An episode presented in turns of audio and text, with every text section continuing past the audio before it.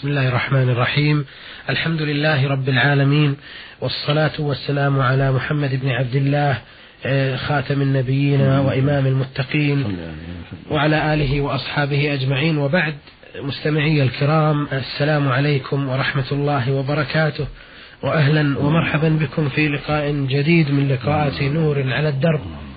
يسرنا أن نكون فيه بصحبة سماحة الشيخ عبد العزيز بن عبد الله بن باز الرئيس العام لإدارات البحوث العلمية والإفتاء ليتفضل مشكورا بالإجابة على رسائلكم واستفساراتكم في هذه الحلقة. أولى الرسائل وردت من المستمعة مهدية بن صدام من العراق تقول في رسالتها آه، ما هو العمل لإبطال السحر؟ بارك الله فيكم. بسم الله الرحمن الرحيم. الحمد لله رب العالمين والعاقبة للمتقين والصلاة والسلام على عبده ورسوله وخيرته من خلقه وأمينه على وحيه نبينا وإمامنا وسيدنا محمد بن عبد الله وعلى آله وأصحابه ومن سلك سبيله واهتدى بهداه إلى يوم الدين. أما بعد فعلاج السحر يكون بشيئين أحدهما الرقى الشرعية والثاني الأدوية المباحة. التي جربت في علاجه ومن أنجع العلاج وأنفع العلاج الرقى الشرعية. فقد ثبت أن الرقية يرفع الله بها السحر ويبطل بها السحر. وهناك نوع ثالث وهو العثور على ما فعله الساحر من من عقد أو غيرها وإتلافها. كذلك من أسباب زوال السحر وإبطاله. فمن الرقى التي تستعمل أن يلقى المسحور بفاتحة الكتاب وآية الكرسي وقل يا أيها الكافرون قل هو الله أحد وقل أعوذ برب الفلق وقل أعوذ برب الناس. مع آيات السحر التي جاءت في سورة الأعراف وسورة يونس وسورة طه وهي في قول في سورة الأعراف قوله سبحانه وأوحينا إلى موسى أن ألقي عصاك فإذا تلقف ما يأفكون فوقع الحق بطل ما كانوا يعملون فغلبوا هنالك وانقلبوا صاغرين. وفي سورة يونس يقول سبحانه وقال فرعون ائتوني بكل ساحر عليم فلما جاء السحر قال لهم موسى ألقوا ما أنتم ملقون فلما ألقوا قال موسى ما جئتم به السحر إن الله سيبطله إن الله لا يصلح عمل المفسدين ويحق الله الحق بكلماته ولو كره المجرمون.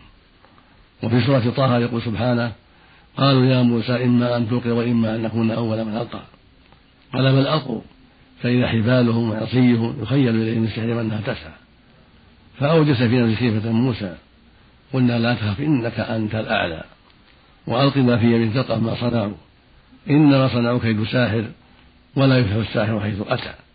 هذه الآيات الكريمات العظيمات ينفث بها في الماء ثم بعد ذلك يصب هذا الماء الذي قرئ فيه على ماء أكثر ثم يتروش به المسحور ويشرب منه بعض الشيء كثلاث حسوات يشربها منه ويزول السحر بإذن الله ويبطل ويعافى من أصيب بذلك.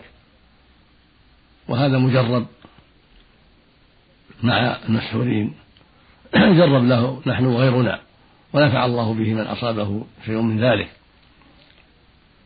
وقد يوضع في الماء سبع ورقات من السدر تدق وتلقى في الماء الذي يقرأ فيه أيضا ولا بأس. قد ينفع الله بذلك أيضا. سبع ورقات سدر وهي شجر النبق تدق وهي خضر رطبة تدق ثم توضع في الماء الذي يقرأ فيه ويشرب منه ما تيسر ويغتسل بالباقي المسحور هذه من هذا من الدواء النافع والرقية النافعة. وهناك أدوية لمن يتعاطى هذا الشيء ويعالج بهذا الشيء أدوية مباحة قد يستفاد منها في علاج السحر وإزالته. كما أشار إلى هذا العلامة ابن القيم رحمه الله في بيان النشرة المشروعة.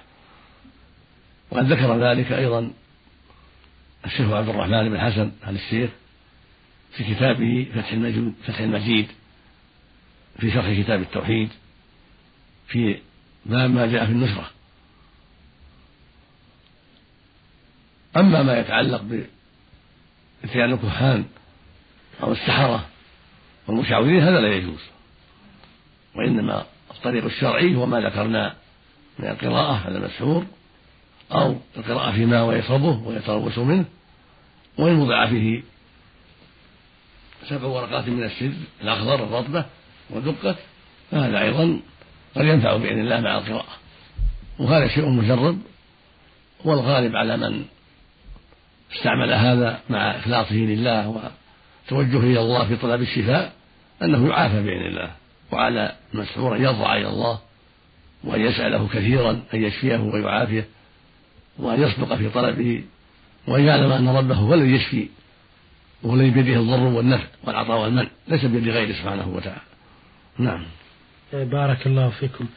أه، ما أدري رأي سماحتكم في مقولة يتناقلها كثير من من يرتادون أماكن السحرة يقولون لا يحل السحر إلا ساحر وبعضهم يقول أذهب إلى الساحر ليدلني على مكان العقد حتى أحلها بعد ذلك. السحرة والكهنة لا يؤتون. النبي صلى الله عليه وسلم نهى عن إتيانهم وعن سؤالهم. قال من أتى عراه فسأله عن شيء لم تقل له صلاة أربعين يوما. وقال من أتى كاهنا فصدقه من يقول فقد كفر من أولاد محمد عليه الصلاة والسلام. والسحرة كفرة لا يجوز إتيانهم ولا سؤالهم. وأما هذه العبارة لا يحل السحر إلا ساحر فهذا يروى عن الحسن البصري التابعي الجليل أنه قال لا يحل السحر إلا ساحر. والنبي صلى الله عليه وسلم سئل عن هذا النبي صلى الله عليه وسلم سئل عن النشرة يعني حل السحر عن المسحور نعم. قال هي من عمل الشيطان. يعني الذي يتعاطى حله بالسحر. قال صلى الله عليه وسلم هي من عمل الشيطان. يعني النشرة بالسحر وأنواعه. هذا هو من عمل الشيطان. رواه الإمام أحمد رحمه الله وأبو داود رحمه الله بإسناد جيد. وهو موجود في باب النشرة هذا الحديث. فالمقصود أن حل السحر بالنشرة الشيطانية التي يتعاطاها السحرة هذا مثل ما قال النبي صلى الله عليه وسلم من عمل الشيطان. هكذا قاله المصطفى عليه الصلاة والسلام هي من عمل الشيطان. فلا يجوز حلها بطريق السحرة. يعني لا يجوز حل السحر بطريق السحرة وذلك يسمى النشرة ولكن يحل بطريق القراءة والأدلة المباحة. نعم. بارك الله فيكم. لنفس السائلة من العراق آه، تقول متى يكون وقت صلاة الجمعة بالنسبة للرجال والنساء؟ وهل هناك سور مخصصة تقرأ في الجمعة؟ أفيدونا بارك الله فيكم. صلاة الجمعة يدخل وقتها بعد الزوال. هو وقت صلاة الظهر وقتها وقت صلاة الظهر. والمرأة ليس عليها جمعة إنما عليها ظهر. تصلي ظهرا لكن لو صلت مع الناس الجمعة أجزأت. لو صلت مع الناس الجمعة ركعتين أجزأتها عن الظهر. كالمريض الذي العاجز والمسافر إذا صلوا مع مع المقيمين ومع الأصحاء صلى المريض مع الأصحاء وصبر على المشقة أجزأته عن الظهر. وإن صلى وحده صلى ظهرا وهكذا المسافر إذا صلى مع الناس أجزأته الجمعة عن الظهر. وإن صلى وحده صلى ظهرا هكذا المرأة ليس عليها جمعة. ولكن لو صلت مع الرجال أجزأتها عن الظهر. وذهب بعض أهل العلم إلى أن الجمعة وقتها أوسع وأن يدخل وقتها قبل الظهر الساعة السادسة قبل زوال الشمس. وذهب آخرون إلى أن وقت الجمعة أوسع من هذا كله وأنه يدخل بارتفاع الشمس إلى الرمح إلى خروج وقت الظهر. وإلى هذا ذهب أحمد رحمه الله وجماعة من السلف واحتجوا بأدلة جيدة فمن صلاها قبل الزوال صحت ولكن الأفضل أن يكون بعد الزوال. خروجا من خلاف العلماء وعملا بالأدلة كلها. لكن المرأة ليس عليها جمعة كما تقدم. بل تصلي في بيتها ظهرا وهو أفضل لها. وإن صلت مع الناس لأجل سماع الخطبة سماع الفائدة فلا بأس تصلي معهم جمعة وتجزئها والحمد لله. نعم. أثابكم الله. آه هذه رسالة وردتنا من السائل آه أبو سلمان من الخرطوم.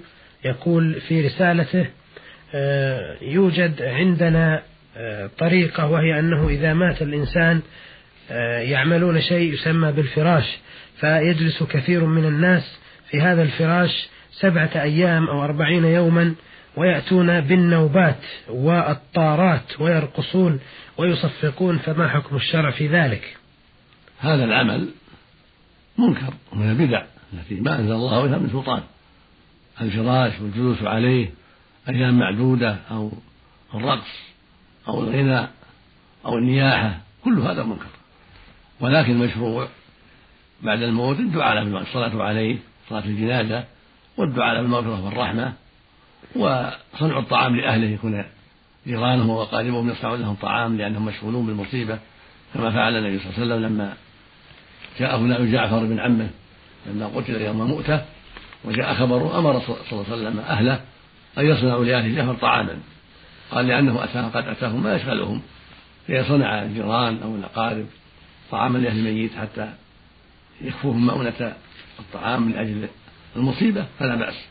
أما أن ينوحوا عليه أو يتخذوا الفراش المذكور يتناوبون عليه بالجلوس أو بالقراءة أو بغير ذلك أو بضرب الطيران والطبول أو ما أشبه هذا كل هذا من البدع المنكرة. نعم.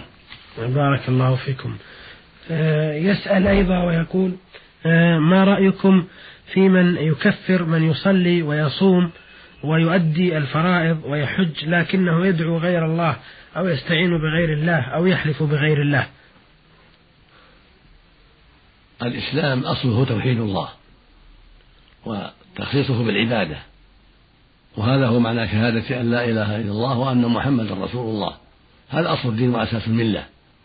وهذا هو الركن الأول من أركان الإسلام قبل الصلاة والصيام والزكاة. الركن الأول شهادة أن لا إله إلا الله وأن محمدا رسول الله عن علم وعن عمل وعن صدق وعن إخلاص وعن محبة وعن قبول الحق. فإذا كان يعبد الله وحده صحت صلاته وصيامه وحجه وزكاته. وإذا كان يدعو الأموات ويستغيث بالأموات بطلت أعماله. صار مشركا نعوذ بالله. فان يدعو الأموات ويستغيث بهم وينذر لهم ويقول مدد المدد. يا سيدي فلان أو يا سيدي فلان يطلب من الرسول صلى الله عليه وسلم أو من المرغني أو من الحسين أو من البدوي أو من الشيخ عبد القادر أو من غيرهم يكون هذا شرك أكبر. لأن الله يقول سبحانه فلا تدعوا مع الله أحدا. ويقول سبحانه ولا تدعوا من دون الله ما لا ينفعك ولا يضرك. فإن فعلت فإنك إذا من الظالمين يعني المشركين. ويقول سبحانه ذلكم الله ربكم له الملك. والذين تدعون من دونه ما يملكون من قطمير. إن تدعوهم لا يسمعوا دعاءكم ولو سمعوا ما استجابوا لكم. ويوم القيامة يكفر بشرككم سمى شرك سمى دعاءهم إياه شركا بالله سبحانه وتعالى. وقال عز وجل ومن يدعو مع الله إلها آخر لا برهان له به فإنما حسابه عند ربه إنه لا يفلح الكافرون. فسماهم كفر بالدعاء. والمدعو من دون الله يسمى إله. ويسمى ندا فالذي يدعو مع الله صنما أو وليا أو نبيا أو قمرا أو كوكبا أو غير ذلك أو جنيا يكون قد اتخذه ندا لله وجعله إلها مع الله. هذا العمل شرك أكبر تبطل معه الصلاة والصوم والزكاة والحج وغير ذلك. قال الله سبحانه في كتابه العظيم ولقد أوحي إليك وإلى الذين من قبلك لئن أشركت ليحبطن عملك ولا تكونن من الخاسرين. يخاطب النبي صلى الله عليه وسلم وهو معصوم من هذا لكن ليعلم الأمة أن هذا الأمر عظيم. وقال عليه الصلاة وقال جل وعلا ولو أشركوا لحبط عنهم ما كانوا يعملون. وقال سبحانه إن الله لا يغفر أن يشرك به ويغفر ما دون ذلك لمن يشاء. فالشرك لا يغفر لمن مات عليه. فالواجب الحذر من هذا الأمر. دعاء الأموات والاستغاثة بالأموات أو بالأصنام أو الأشجار والأحجار وطلبه المدد كل هذا شرك بالله يبطل الأعمال. فواجب البدار بالتوبة من هذا الأمر والحذر منه والعزم الصادق ألا يعود فيه من فعله وبهذا يصح إسلامه. أما ما دام يعبد القبور والأموات ويستغيث بهم وينذر لهم فقد أبطل أصل إسلامه. قد أبطل الشهادة. مثل الذي يتوضأ ثم يحدث. إذا توضأ الإنسان ثم خرج منه البول أو الريح بطل وضوءه. هكذا الذي يقول أشهد أن لا إله إلا الله وأشهد أن محمدا رسول الله ثم يدعو الأموات ويستغيث بالأموات أو الأصنام أو الجن وينذر لهم أبطل توحيده. مثل ما أبطل طهارته بالريح أو بالبول. وهكذا لو قال أشهد أن لا إله إلا الله وأن محمدا رسول الله ثم قال بعد ذلك إن مسيلمة نبي مسيلمة كذاب قال إنه نبي. أو قال الأسود العنسي نبي أو قال طلحة الأسد نبي أو قال فلان أو فلان من من ادعى النبوة بعد النبي صلى الله عليه وسلم. يكون كافرا. ولو قال أشهد أن لا إله إلا الله. ولو قال أشهد أن محمدا رسول الله. لأنه كذب الله في قوله في محمد صلى الله عليه وسلم وخاتم النبيين. ما كان محمد أبا أحد من رجالكم ولكن رسول الله وخاتم النبيين. وهكذا لو قال أشهد أن لا إله إلا الله وأن محمدا رسول الله ثم قال الصلاة غير واجبة. كفر ولو قال أشهد أن لا إله إلا الله. أو ترك الصلاة عمدا على القول الصحيح كفر أيضا. أو قال الزكاة فيه واجبة. أو صوم رمضان مه واجب ولو صام. أو قال الحج مه واجب مع الاستطاعة كفر ولو حج. لأنه كذب الله ورسوله. وهكذا لو أن إنسانا يقول أشهد أن لا إله إلا الله وأن محمدا رسول الله ويصلي ويصوم ويتصدق ولكنه يسب الرسول صلى الله عليه وسلم. أو يسب الله أو يسب الإسلام كفر بهذا السب. ولم تنفعه هذه الشهادة وهذا الصوم وهذه الصلاة لأنها أتى بناقض من نواقض الإسلام. فلا بد في حق المسلم وبقاء الإسلام عنده أن يبتعد عن نواقض الإسلام وعن أسباب الردة. وهكذا لو أن إنسانا يشهد أن لا إله إلا الله وأن محمدا رسول الله ويصلي ويصوم ويزكي ويحج ولكنه يستهين بالمصحف. يطأه برجله ويقعد يجلس عليه هالة له أو يلطخه بالنجاسة كفر إيماعا بعمله مع المصحف لأن هذا يدل على استخفاف بكلام الله وسب سب لله بإهانة كلامه. فيكون كافرا عند جميع العلماء ولو قال أشهد أن لا إله إلا الله وأن محمدا رسول الله ولو صلى ولو زكى ولو صام ولو حج. فينبغي للمسلم التنبه لهذه الأمور وأن الإسلام إنما يبقى مع السلامة من نواقض الإسلام ومع البعد عما ينقض الإسلام. نسأل الله للجميع الهداية والعافية. نعم. أثابتكم الله. هذه رسالة وردت من عبد الرحمن آه، من العراق يقول فيها آه، قرأت في كتاب الشفاء العليل لابن القيم آه، رحمه الله يقول بعد الملايين من السنين من العذاب المقيم في النار يمحو الله النار ويستند على آيات من القرآن منها قوله تعالى خالدين فيها إلا ما شاء الله وبقوله تعالى خالدين فيها فيقول الخلود هو الاستقرار مدة معينة من الزمن ولو كانوا خالدين فيها أبدا لقال تعالى خالدين فيها أبدا.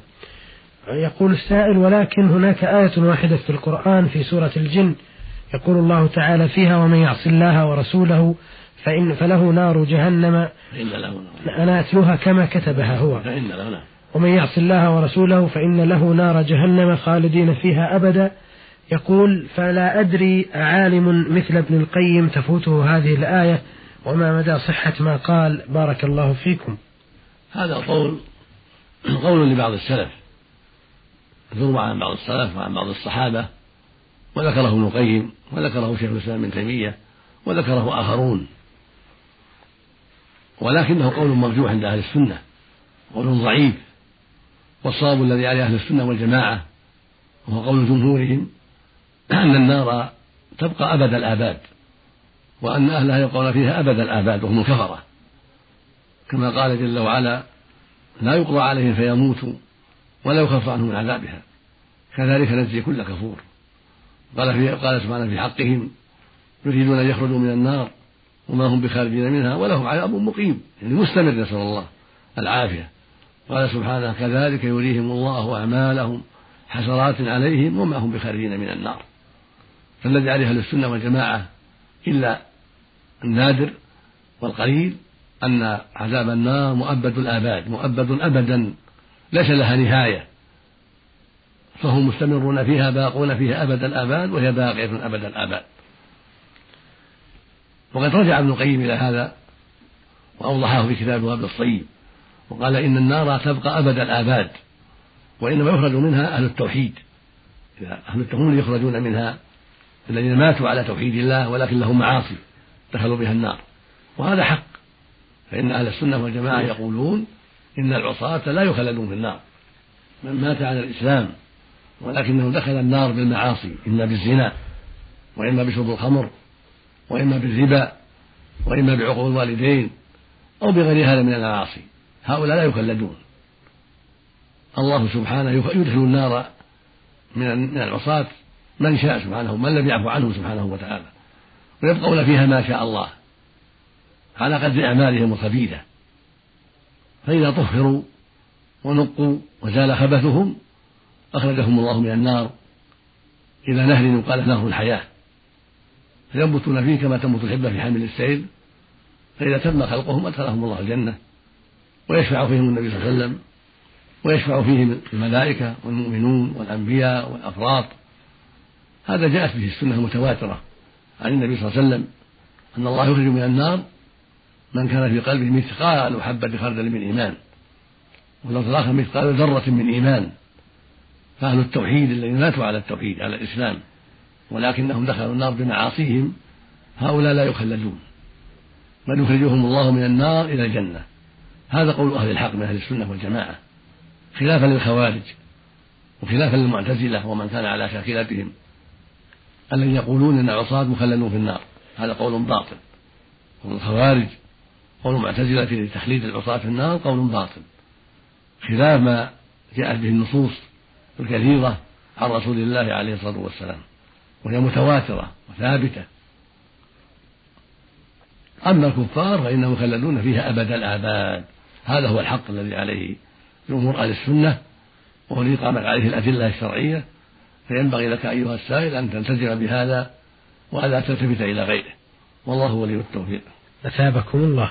يقول نفس السائل أيضا في نفس الكتاب آه، رواية عن أم المؤمنين عائشة رضي الله تعالى عنها حينما توفي طفل قالت طوبى لك آه، طير من طيور الجنة فقال عليه الصلاة والسلام وما يدريك يا عائشة أنه في الجنة؟ لعل الله اطلع على ما كان يفعل. والنبي صلى الله عليه وسلم قال رفع القلم عن ثلاثة ذكر منهم الطفل حتى يحتلم والروايتان صحيحتان فلا أدري كيف الجمع بينهما. هذا الحديث حديث صحيح أن الشيخين قال فيه النبي عصفور من عصافير قالت عائشة عصفور من عصافير الجنة. قال النبي صلى الله عليه وسلم لا يا عائشة إن الله خلق للجنة أهلا خلقهم لها وهم في أصلاب آبائهم وخلق للنار أهلا خلقهم لها وهم في أصلاب آبائهم. والمقصود من هذا منعها من أن تشهد لأحد معين بالجنة أو بالنار ولو أنه طفل لا يشهد له لأنه قد يكون تابعا لأبويه وأبواه ليس على الإسلام وإن أظهراه فالإنسان قد يظهر الإسلام نفاقا قد تظهر أمه نفاقا فلا يشهد لأحد بالجنة ولا بالنار ولو طفلا. لا يقال هذا من أهل الجنة قطعا؟ لأن ما ندري عن حال والديه. والأطفال تبع لآبائهم. ومن كان مات على الصغر وليس تبعا للمسلمين فإنه يمتحن يمتحن يوم القيامة على الصحيح. إذا كان ليس ولدا بين المسلمين بل لغيرهم من الكفار فإنه يمتحن يوم القيامة. فإن أطاع دخل الجنة وإن عصى دخل النار. كأهل الفترة. الصحيح أنهم يمتحنون. أنهم يمتحنون أهل الفترة. هكذا الأطفال. ولهذا لما سئل النبي صلى الله عليه وسلم عن أولاد المشركين قال الله أعلم بما كانوا عاملين. وجاء في السنة ما يدل على أنهم يمتحنون يعني يختبرون يوم القيامة ويؤمرون بأمر. فإن أطاعوا دخلوا الجنة وإن عصوا دخلوا النار. فالمقصود من هذا أنه لا يشهد لأحد معين بجنة ولا نار إلا ما شهد له النبي صلى الله عليه وسلم. هذه قاعدة أهل السنة والجماعة. فإن كان عليه وسلم عائشة لأنها شهدت بالتعيين أنها قالت عصفور من أصحاب الجنة.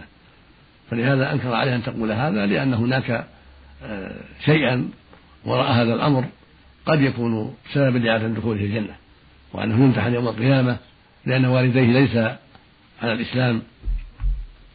أما أولاد المسلمين فهم تبع آبائهم. عند أهل السنة والجماعة في الجنة. أولاد المسلمين تبع آبائهم في الجنة. وأما أولاد الكفار فإنهم يمتحنون يوم القيامة هذا هو الحق.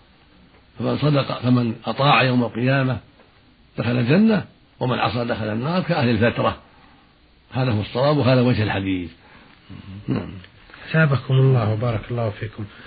آه، يقول آه، أيضا نفس السائل في نفس الكتاب آه، يذكر المؤلف أن أحد كتاب الوحي ارتد عن الإسلام والسبب أنه كان يكتب ما ينزل عليه من الآيات كقوله تعالى العزيز الحكيم يكتبها العليم الحكيم أو نحو ذلك. وفي الحقيقة لم أفهم مقصود المؤلف أرجو الإيضاح. أنا لا أذكر بحث المؤلف ويمكن أن نطالعه في وقت المستقبل إن شاء الله. لا نذكر بحثه لكن ارتداد بعض الكتاب الوحي واقع هو عبد الله بن سعد بن سرح ارتد عن الإسلام ثم دخل في الإسلام وهداه الله يوم الفتح. أما الأسباب أسباب الردة فلا أذكرها حاليا ولكن يمكن أن نراجع كلام ابن القيم ونذكر ذلك في حديث حلقة أخرى إن شاء الله. وأما قوله إن بعض كتاب ارتد هذا معروف. وعبد الله بن سعد بن أبي سرح ارتد عن الإسلام ثم بعدما فتح الله على رسول مكة هداه الله وجاء وأسلم. والحمد لله. نعم. آه، بارك الله فيكم وجزاكم الله خيرا.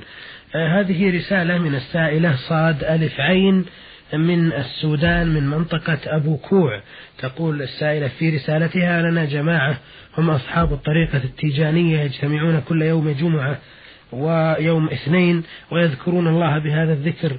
لا إله إلا الله ويقولون في النهاية الله الله بصوت عالي. لا أدري ما حكم الشرع في عملهم هذا. الطريقة التجارية طريقة مبتدعة وطريقة باطلة وفيها أنواع من الكفر لا يجوز اتباعها. بل يجب تركها.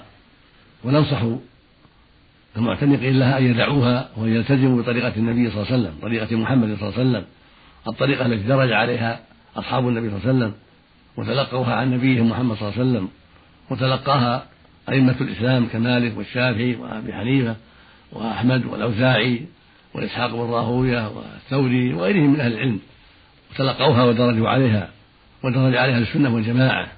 وهي توحيد الله وعبادته وإقام الصلاة وأداء الزكاة صوم رمضان حج البيت وطاعة الأوامر التي جاء بها المصطفى صلى الله عليه وسلم وترك النواهي. هذه الطريقة التي جاء بها الرسول صلى الله عليه وسلم. أما الطرق الصوفية فالواجب تركها. إلا الشيء اللي يوافق الشرع.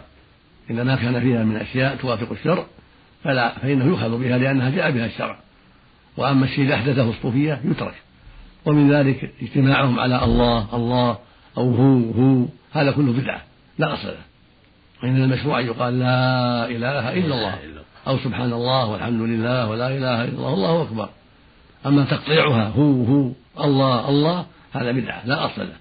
فأنصحك أيها السائلة نعم. وأنصحك أيها السائلة أن لا تحضريهم وأن لا تكوني منهم. وأن تلتزمي الطريقة المحمدية التي جاءت عن رسول الله صلى الله عليه وسلم وهي الذكر المعروف سبحان الله والحمد لله ولا إله إلا الله والله أكبر. في البيت في المسجد في الطريق في المطبخ في أي مكان. يذكر الله سبحانه وتعالى على عمله. يقول لا إله إلا الله وحده لا شريك له له الملك وله الحمد وهو على كل شيء قدير. سبحان الله والحمد لله ولا إله إلا الله والله أكبر. ولا حول ولا قوة إلا بالله. سبحان الله وبحمده سبحان الله العظيم وهكذا. ليس لها حد محدود بل هكذا كما جاء عن النبي صلى الله عليه وسلم. بارك الله ولا يقول الله الله أو هو هو أو يجتمعون على رقص وضرب الطبول كل هذا منكر. نعم. أثابكم الله. للأخت السائلة بقية أسئلة نعد بعرضها إن شاء الله في حلقة قادمة. في ختام هذه الحلقة نشكر سماحة الشيخ عبد العزيز بن عبد الله بن باز على إجاباته ونشكر لكم حسن متابعتكم أيها المستمعون الكرام وإلى الملتقى بإذن الله. والسلام عليكم ورحمة الله وبركاته.